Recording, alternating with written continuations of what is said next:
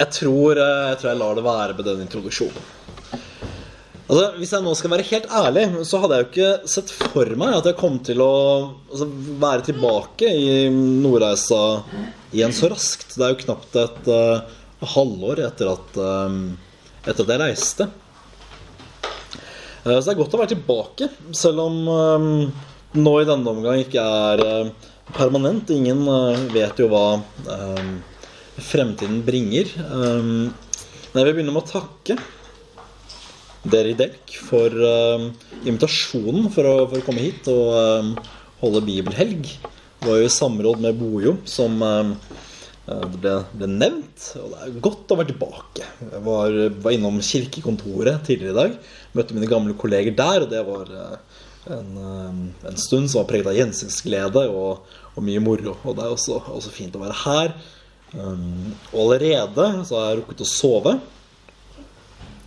Og har også rukket å drikke kaffe, og vi har sittet og skjorret, og samtalene penser fort inn på teologi og sånne ting. Og det er kanskje noe av det jeg har savnet mest med å være her oppe.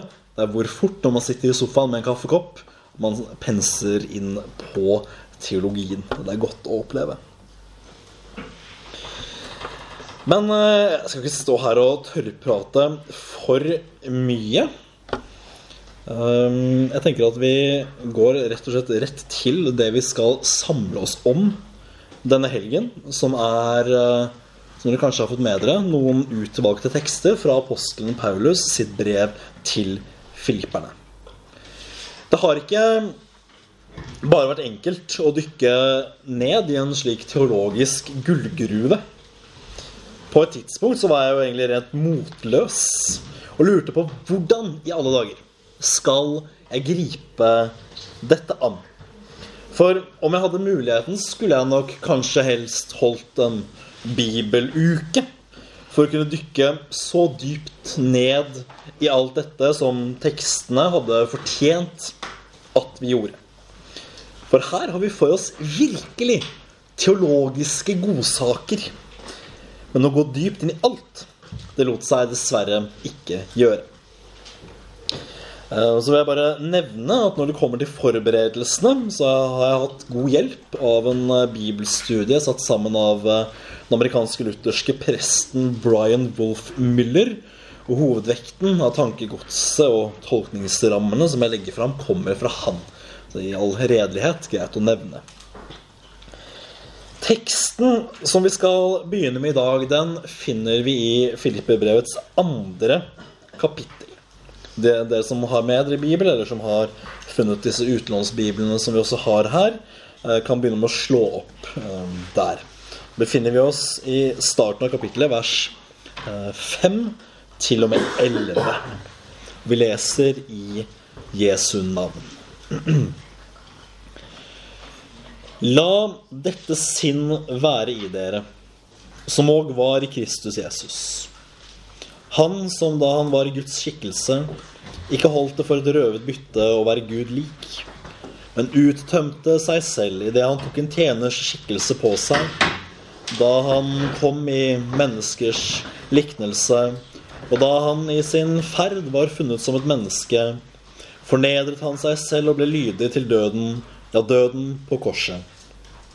Derfor har òg Gud høyt opphøyt ham og gitt ham det navnet som er over alle navn. For at i Jesu navn skal hvert kne bøye seg, deres som er i himmelen og på jorden og under jorden.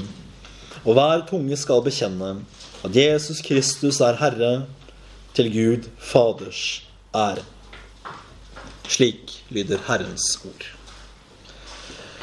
Um, Volummessig altså, så en som satte seg litt nærmere. Er det, er det greit? Hører uh, alle, hører alle sammen? Vi landet på at vi ikke skulle bruke lydanlegg, men uh, hvis Ja, nei, hvis uh, Det er bare å sette seg fram hvis jeg Det kan være at jeg glemmer å snakke høyt noen ganger. Uh, og hvis jeg blir ekstra ivrig, så hender det at jeg mumler og sluker ord. Så beklager på forhånd. Den teksten vi leste nå, må jo kunne sies å være selve indrefileten i Filippe-brevet. Det er på mange måter en helhetlig teologi i konsentrert form. For her finner vi egentlig alt vi trenger å vite. Og denne første bibeltimen blir også på bakgrunn av dette den mest skal vi si, fagteologiske. Filippebrevet har som et gjennomgående tema hvordan vi skal leve som kristne i menigheten. Og hvilket sinn som skal prege omgangen vår med hverandre. Og dette vil jeg ta godt for meg i bibeltimene som holdes i morgen. Men jeg tenkte at det ville være fint og godt å begynne med dette som kan sies å være det teologiske grunnlaget. For ikke bare brevet, men for også så mye annet. For det her Paulus etterlyser rett før han stemmer i disse versene, som ganske rett av eh, bibelforskere eh, har blitt identifisert som en hymne til Kristus. Det er at det sinnelaget som tegnes opp at Jesus hadde, det skal vi også ha. Så for å forstå hva slags sinnelag vi skal ha, så må vi forstå hvilket sinn som preget Jesus, og hvorfor han gjorde det han gjorde. Og da begynner vi med å se på Jesu herlighet. For det er her grunnlaget for en forståelse av det som kommer, må dannes. Hva kommer denne herligheten av? Og det ser vi av teksten i vers 6, at han var i Guds skikkelse. Vi vet hvem Jesus er, og hele Skriften vitner om det samme. At Kristus er Guds sønn. Jeg tror egentlig ikke at vi forstår helt bredden av dette. Eller kanskje vi forstår, men vi glemmer det ofte. For hvis vi har et klart bilde av at Jesus faktisk i sannhet er Gud, da tror jeg at hans nedstigelse blir enda kjærere for oss. Men nå har vi akkurat feiret jul. Og her har vi blitt minnet om at barnet i krybben ikke var hvem som helst. Nei, hos Lukas så kunne vi lese at Jesus er en frelser født for oss. Han er Messias, Herren. Matteus forteller oss at barnet er ved Den hellige ånd, og at han skal frelse sitt folk fra deres synder. Og Johannes han trekker oss tilbake til uminnelige tider. Før jord, og før folk, og før alt. Han trekker oss tilbake til selve urtiden. Til skapelsen. Og der ser vi at før alle tider føder Gud Fader sin sønn fra evighet av. At Guds skaperord lyder, og alt blir til. Dette skaperord er det som blir menneske, forteller Johannes oss, stiger ned. Alle evangelister og apostler vitner om dette. Og et hav av profeter stemmer i med sine syner fra gammel tid. Han som nå er menneske, han er Gud. Dette er viktig, for da forstår vi hvor Jesus kommer fra. Han kommer fra himmelens herlighet og ære. Fra Guds høye og rike saler, hvor alt er godt. Og verken død eller lidelse finnes. Hvor engler tjener ham dag og natt og synger hans ære. Der mørket ikke finnes, der alt er godt. Han var i himmelen. Og så av alle ting han skulle gjøre, skulle han stige ned og bli et menneske. Det er egentlig ganske utrolig. Men stige ned, det gjør han. Vi leste at han holdt det ikke for å Han holdt det ikke for et røvet bytte å være Gud lik. Dette betyr at Jesus ikke grep det han kunne grepet. Nettopp å forbli værende i Guds skikkelse i himmelen. Og hva er Guds skikkelse? Jo, det er som en usynlig ånd i himmelen. Uten kropp og uten legeme. Jesus kunne grepet dette. Og han ville grepet det med rette. Men her, interessant nok, ser vi et bilde på hvordan Jesus kommer for å være den nye Adam. For å oppfylle i lydighet det den gamle Adam ødela i ulydighet. At Jesus griper ikke den guddommelige skikkelse. Heller stiger han ned og blir et menneske. Dette står i skarp kontrast til det Adam gjorde. Fordi Jesus han griper ikke det han har rett på, å få bli værende i denne herligheten. Han avstår fra det. Men Adam, hva var det han gjorde? Jo, i sin ulydighet og i sitt hovmod så griper han etter guddommeligheten som han ikke hadde rett på. Og så styrter han slik hele menneskeslekten ut i døden. For han ville ha noe han ikke hadde rett på. Men der Adam strekker seg mot det guddommelige, strekker Kristus seg mot det menneskelige. Han stiger ned for å bli et menneske. For å bøte den skade Adam har gjort, så tar han på seg en tjeners skikkelse og fornedrer seg selv. Og Jesus kom altså i menneskers lignelse som en av oss. Og her ser vi en av den kristne kirkes store, store mysterier, det man kaller inkarnasjon. Altså at Jesus tok på seg kropp, kjød, og ble en av oss. Han ble et menneske av kjøtt og blod. Som det også står i en av våre bekjennelser. Dette er et mysterium på linje med treenigheten og på linje med frelsen. Et stort, stort mysterium som må tros mer enn forstås. Store ting er det vi har å gjøre med her. Men Jesus han ble et menneske, og han fornedret seg selv. Her er det viktig å skille litt og forstå at inkarnasjonen ikke er det samme som fornedrelsen. Jeg håper dere holder disse begrepene sånn cirka rett for dere i hodet. Vi har inkarnasjonen på den ene siden, og så fornedrelsen, som er noe annet. For inkarnasjonen, altså dette fancy ordet for at Jesus ble menneske, det er noe som vedvarer. Også etter at fornedrelsen er over. Det var nødvendig for at fornedrelsen ydmykelsen skulle kunne finne sted at Jesus ble menneske. Men alt er ikke sagt med det.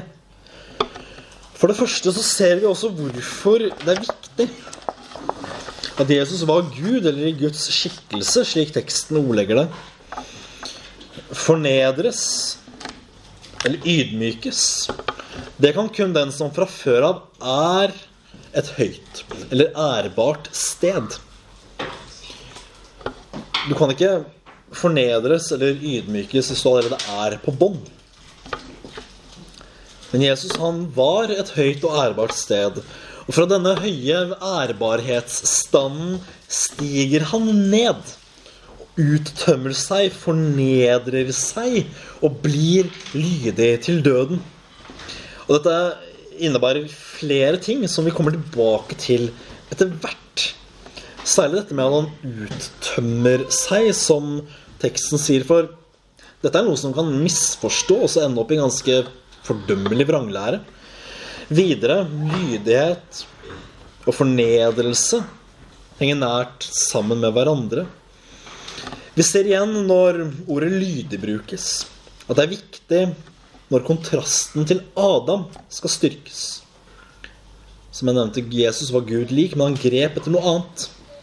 Og han var lydig til Guds vilje.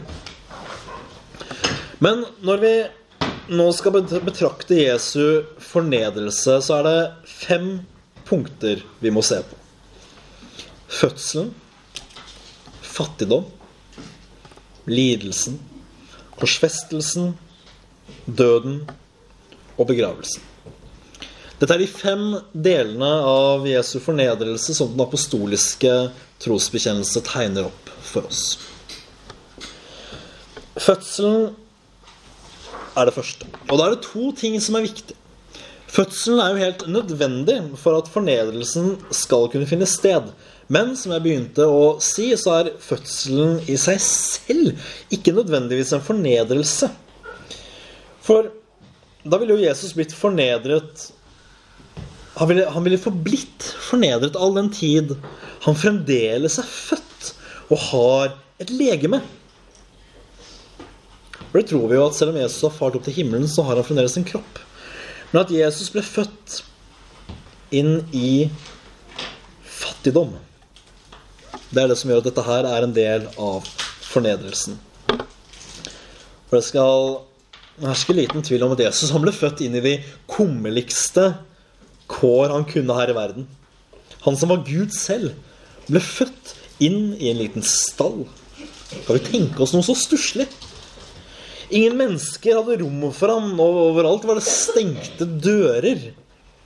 For en verdighet å vise universets gud.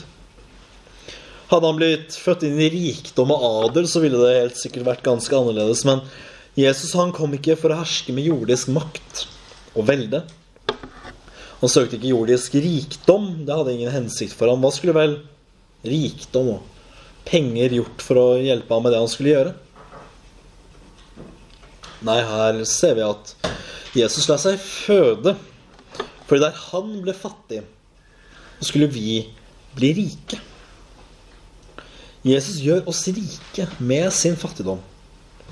For når han på den måten lar seg føde, så får vi samtidig himmelens rikdom av ham.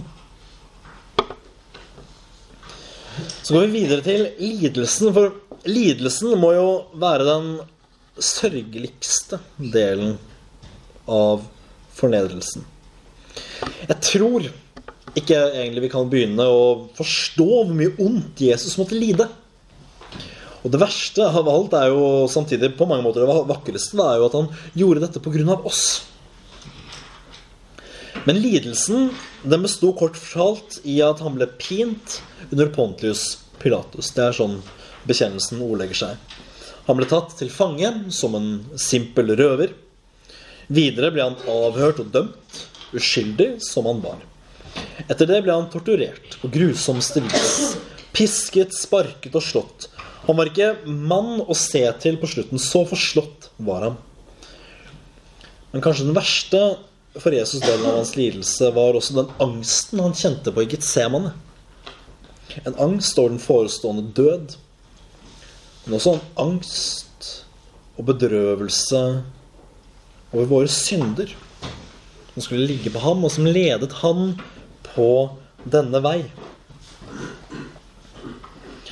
Likevel ser vi at Jesus bar sine lidelser svært tålmodig, som et lam. Og der ser vi på lidelsen, og vi sørger, så kan vi samtidig la oss glede. Fordi vi tror og bekjenner at Jesus led så mye ondt for vår skyld. Nettopp for å sone våre synder. Og når han kommer for å forsone våre synder, da springer vi jo naturlig videre til korsfestelsen. For det hører jo også med å ha noen ord om det. Eh, men jeg kommer tilbake til det. Nå holdt jeg på å hoppe litt fram i manuset mitt. Det var ikke meningen. Eh, jeg kommer tilbake til korsfestelsen, men jeg nevner det kort her. Så dere ikke tror jeg har glemt det. Men korsfestelsen er viktig. Men i lys av teksten fra Filippebrevet fortjener det særlig oppmerksomhet. Jeg vet ikke hvorfor jeg hadde med det avsnittet. Det er ikke alt som gir mening etterkant. Eh, jeg kommer tilbake til korsfestelsen etterpå. Kan Gud dø? Nei, ikke egentlig. Døde Gud på korset? Ja, selvfølgelig. Vi er ikke gnostikere. Vi bekjenner at Gud i sannhet døde på korset. Hvorfor? Jo, fordi Jesus Kristus døde. Var Jesus Gud? Ja, må en kristen svare. Døde Gud? Ja, må en kristen svare. Gudmennesket Jesus Kristus døde i sannhet med begge sine naturer som var forenet i hans legeme. Sier vi at kun Jesu menneskelige døde, så er vi gnostikere. Men det vil vi jo ikke være. Jo da, det er rett nok paradoksalt, men det får være. Vi holder fast på denne bekjennelse. Og det er jo nødvendig også at Jesus skulle dø som sann Gud og sant menneske. Når kjetterne og svermerne sliter med å forstå at Eller tro at Gud kunne dø på korset, så handler jo det om forkrøkt forståelse av død. Man forstår død som noe endelig, som opphør av vesen og væren. Altså at når noe dør, så går det ut av eksistens. At det opphører å være som det aldri har vært. Men det er jo ikke sant. Vi tror ikke det om oss selv, vi som er kristne. Når vi dør, så går ikke vi ut av eksistens. Det finnes ikke lenger her som et menneske på jorden, men det opphører ikke å eksistere. Hva er det som skjer når en kristen dør? Jo, vi går over fra dette livet og til det evige. Da er det ikke lenger umulig for oss, så burde ikke det i alle fall ikke være umulig tanken om at Gud kan dø. Ikke fordi han opphører å eksistere, han måtte dø for å forsone oss med seg selv. Og siden Jesus virkelig var død, så måtte han også virkelig begraves. Og så var fornedrelsen fullstendig idet vår Herre og Frelser ble lagt i en grav.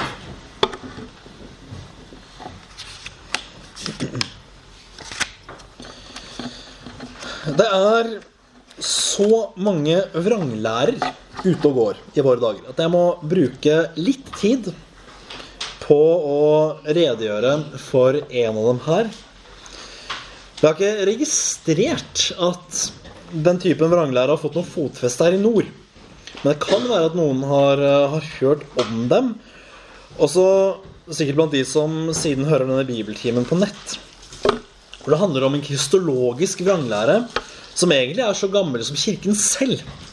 Og som handler om en vrang forståelse av vers 7 i teksten vår, men uttømte seg selv idet han tok på en tjenerskikkelse osv. Vranglæren som eh, holdes av eh, mange kirker i dag, har som en av sine største forkjempere en kirke i California som heter Bethel. Eller Betel på godt norsk. Det hele kommer av hvordan man forstår dette ene ordet i vers 7 uttømte. Forstår man det rett, så forstår man det i lys av det jeg har pratet om hittil. Det henviser til Jesu Kristi fornedrelse. Hans komme som menneske og hans ydmykelse. Foruten når Jesus gjorde under og andre store ting, så la han bånd på sine guddommelige krefter. Han brukte dem ikke. Han var i alt som et menneske. Han brukte ikke sin allvitenhet, sin allmakt eller andre ting, men han hadde dem. Det er viktig å holde fast ved. Det de som holder denne vranglære sier, er at han ikke hadde disse egenskapene. Og dette er gnostisk galskap på sitt beste, eventuelt verste. Gnostisismen, jeg vet ikke om det er et kjent ord for dere, men det er jo en gammel sekt og vranglære som har fulgt kirken egentlig helt siden dens begynnelse. Og her er dens moderne form hos eh, Bethel, denne kirken i USA, og andre, så sier man at Jesus tømte seg for sine guddommelige krefter. At han, at, altså Forstått litt som en trollmann som mister magien sin. Og Det er jo helt absurd, men det er det de lærer. Og dette må vi vite om. Ikke for moro skyld at jeg nevner dette. Dette må vi vite om, fordi det er en stor og vanlig lære i våre dager. Og disse kirkene samler altså tusenvis. Samler tusenvis på sine møter. Og de har også en enorm følgerskare etter hvert også i Norge og rundt om i Europa.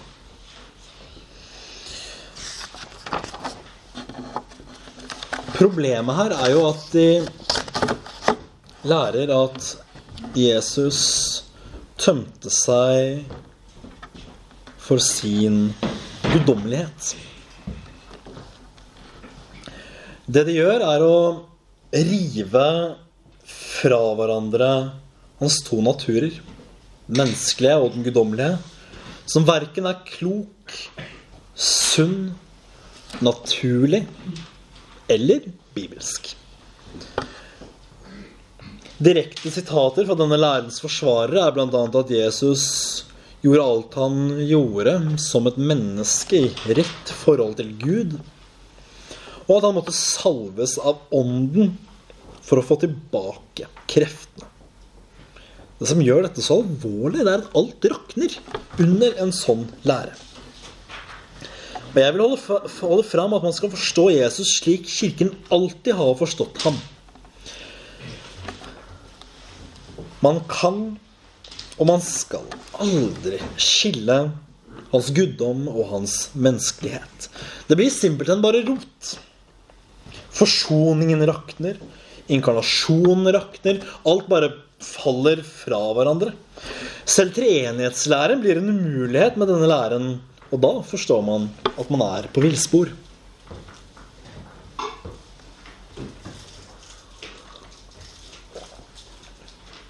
Problemet er kanskje først og fremst det sinnelaget som kommer til uttrykk hos dem som holder en slik lære. Vi har, som vi leste, en eh, formaning fra Paulus om å etterstrebe Kristi sinnelag. Disse som holder denne læren, holder seg til Adams sinnelag. For når Jesus' sinnelag er, som vi har hørt, ikke akte på sin guddom, men la seg ydmyke til å bli et menneske, så søker Adams sinnelag opphevelse til gudestatus. Det er det som skjer blant disse som Luther med rette ville kalt svermere. Fordi de lærer at når Jesus bare var menneske, så kan vi også bli salvet slik han ble. Og vi kan bli gudesønner. Eller vi kan bli guder. De gjør riktignok et poeng av å skrive dem liten g, men du, du har uh, følger av denne læreren som sier at dere kan bli guder. Og dette er gnostisisme. Og mot denne eldgamle vranglære så finnes det kun to botemidler. Det ene er det rene evangelium, og det andre er inkarnasjonens mysterium. Og nå har jeg allerede brukt mer enn nok tid på å prate om vranglære. Men en annen side ved den er at den søker, søker rikdom og ære for mennesker. Klassisk herlighetsteologi, som det kalles, som lærer at det er Guds vilje at mennesker skal være rike, friske og vellykkede i dette livet. Og det er jo selvsagt bare sprøyt. Jeg kommer ikke på noe som er mer ironisk enn at Filipperbrevet brukes til å forkynne herlighetsteologi. Paulus skrev Filippebrevet fra fengsel. Fattig, forfulgt og i lenker. Men regner Paulus det som skam og vanære? Nei, han sier i kapittel 1 at det er til fremgang for evangeliet.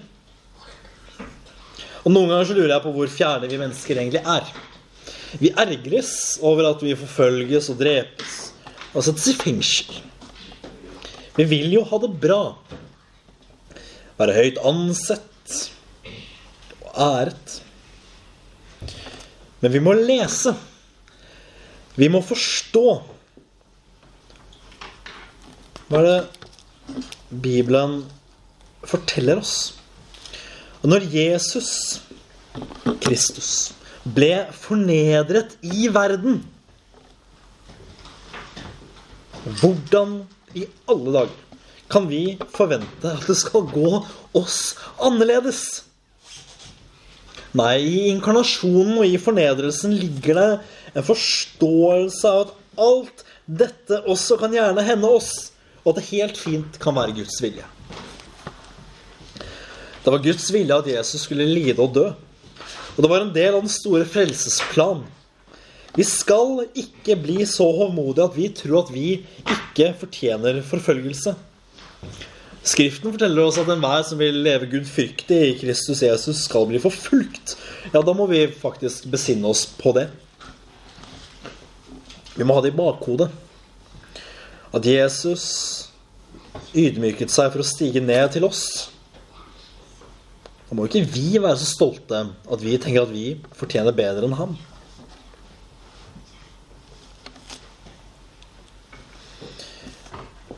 Det viktigste vi holder fast ved, det er inkarnasjonen. Når det gjelder å verne oss mot nettopp gnostisismens fare. Det som var kjernen hos gnostikerne, det var en nedvurdering ja, det verdslige, altså det fysiske, det legemlige. Alt som, alt som, kunne tas og føles på. For en gnostiker så er inkarnasjonen umulig. Eller i beste fall vanskelig å forstå, fordi det fysiske er ondt. Konsekvensen blir en overåndelighet. Man søker det gudelige mer enn det legemlige. Men det fysiske er ikke ondt. Verden er ikke ond i seg selv. Det vitner jo vår tekst om. Fordi Filipperne 2 er fremfor alt en kristologisk inkarnasjonstekst. Den forteller oss om Jesus Kristus som stiger ned til skaperverket i kjærlighet. Og det er i inkarnasjonen vi ser så klart og tydelig det jeg nevnte tidligere. Nemlig at fødselen i seg selv ikke er en fornedrelse for Herren. Som menneske ble han født. Og et legeme, det har han fremdeles. Det betyr altså at inkarnasjonen, den består fremdeles etter at Jesus har gått over fra fornedrelsen og til herligheten. Det betyr at Jesus fremdeles er gudmennesket Jesus Kristus. Men nå ligger det ikke lenger lokk og skjul på hans guddommelige kraft eller majestet. Nå er han alle steder. Nå vet han alt. Nå har han all makt. Skal vi da undre oss over nattverdens mystiske sannhet? At Jesus Kristus i sannhet gis oss under brød og vinen? Nei, selvfølgelig ikke. For gnostikere og svermere så går ikke dette an å forstå. De vil si at Jesus han sitter fast i himmelen. Eller det som verre er, at Gud ikke kan ta bolig i noe legemlig. Men jo, det kan han jo. Han har gjort det før. Han gjorde det julenatt. Og han gjør det når vi feirer det hellige måltid. Vi skjønner ikke hvor, stort det er. Og få ting irriterer meg mer. Vi skulle holde sakramentet så høyt. For hver gang vi feirer det, stiger faktisk Jesus ned til oss i det brød og vin forvandles til legeme og blod. Mens det selvfølgelig fremdeles forblir brød og vin. Så må vi aldri, aldri, aldri glemme at Jesus steg ned for vår skyld. Det er kjernen i alt. Det er slik den nikenske bekjennelse sier For vår skyld og til vår frelse steg han ned fra himmelen. Her ser vi hvor stort det som rommes i teksten vår fra filipperne, er. Det er jo nesten til å bli rørt av når vi forstår hvorfor Jesus strekker seg ned fra himmelen. Han strekker seg etter oss. Han strekker seg etter meg. Syndige, forferdelige menneske. Han strekker seg etter meg. Han elsker meg selv om jeg er støv og skitt og ikke verdt noe som helst. Han elsker oss og vil frelse oss, og derfor stiger han ned. Han har hele verdens frelse i tankene. Vel er det ydmykende. Vel er det fornedrende, men han gjør det likevel. Guds sønn, den evige majestet, fornedrer seg. I lydighet til sin far kommer han til oss, sendt av nåde. så kommer han med den himmelske kjærlighet. Det er for vår skyld han gjør dette, og det er stort. Han blir lydig til døden, og Gud være takk for det. For med sin død sonet han våre synder, men ikke nok med det. Han ble lydig til døden på korset.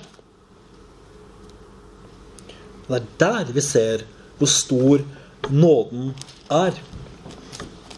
For når Paulus skriver 'fornedret han seg selv og ble lydig til døden', ja, døden på korset, så Jeg, vet ikke om det, jeg tror ikke det rommes sterkt nok i denne, dette ene ordet 'ja', men der, der, aner vi konturen av det og ble lydig til døden. Ja, selv døden på korset.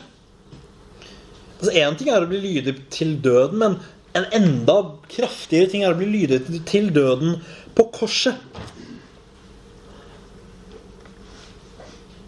Der vi ser hvor stor nåden og kjærligheten er. For det er her vi ser hvor langt lydigheten strakk seg. Det er som om Paulus vil si til oss, men ikke klarer å uttrykke det sterkt nok skriftlig. Han gikk lydig i døden. Men vent, hør nå, ikke nok med det. Han gikk lydig til døden på korset. Og selv klarer jeg heller ikke å uttrykke det sterkt nok. For dette var den ultimate fornedrelse. At der skulle han dø. Foraktet på et kors. Han hadde fortjent så utrolig mye bedre. Og vi hadde fortjent så utrolig mye verre. Men han fikk død og fornedrelse. Hva var det vi fikk? Jo, vi fikk frelse og evig liv. Hva han fikk? Han fikk våre synder lagt på seg. Og vi fikk hans rettferdighet overført på oss. Det er det Luther kaller det salige bytte. Og det skal vi vite at i sannhet var et salig bytte. Jeg sa jo at denne hymnen, denne teksten vår, eh, er en teologi i miniformat. Derfor er vi ikke helt i mål enda, men vi nærmer oss noen minutter til. Det stanser, som jeg har hintet til flere ganger, nemlig ikke med fornedrelsen. Hva skjer når Jesus har fullført sin frelsesgjerning og hans lydighet har stått en stor prøve. Korsdøden, jo. Fornedrelsen er over. Kristus har gjort sitt, og soningsverket er fullbrakt. Nå trer Faderen på banen igjen og opphøyer Sønnen. Og vi leser i vers 9 at derfor har òg Gud opphøyet ham. Høyt opphøyet ham og gitt ham det navnet som er over alle navn. Vi ser altså hvordan ringen på mange måter sluttes. Han så seg ikke nødt til å gripe makten og æren, men han lot seg fornedre. Men hva er det som skjer når fornedrelsen er over? I lydighet mot Guds vilje venter nettopp den makt og den ære som han ga avkall på. Og her ser vi makten og æren. Og i det at en dag skal hvert kne bøye seg. For den fornedrede konge, han som nå er steget opp igjen til makt og herrevelde, han skal en dag komme igjen. Han er alles konge. Han hersker over alle folk og alle land. Og hver tunge, hver stemme og hvert språk, enten med glede eller fortvilelse, må en dag se og bekjenne at Jesus Kristus er Herre. Her ser vi at alt krones med denne bekjennelse. Og vi ser hvordan Gud kroner alt med sin ære. Ja, ikke bare det, men at alt som har skjedd, var til hans ære. Hvem kunne vel sett dette for seg? Hvem kunne vel kokt det sammen med sin fornuft og sin fantasi? Nei, ingen kunne vel klart noe sånt. Men med Skriftens lys ser vi det klart. At det som så ut til å ende i nød og fornedrelse, det endte på en helt annen måte. Det ble, da enden var nådd, til Gud Faders ære, til frelse for en hel menneskeslekt. Derfor steg Jesus ned, og det han steg ned for å gjøre, det ble fullbrakt.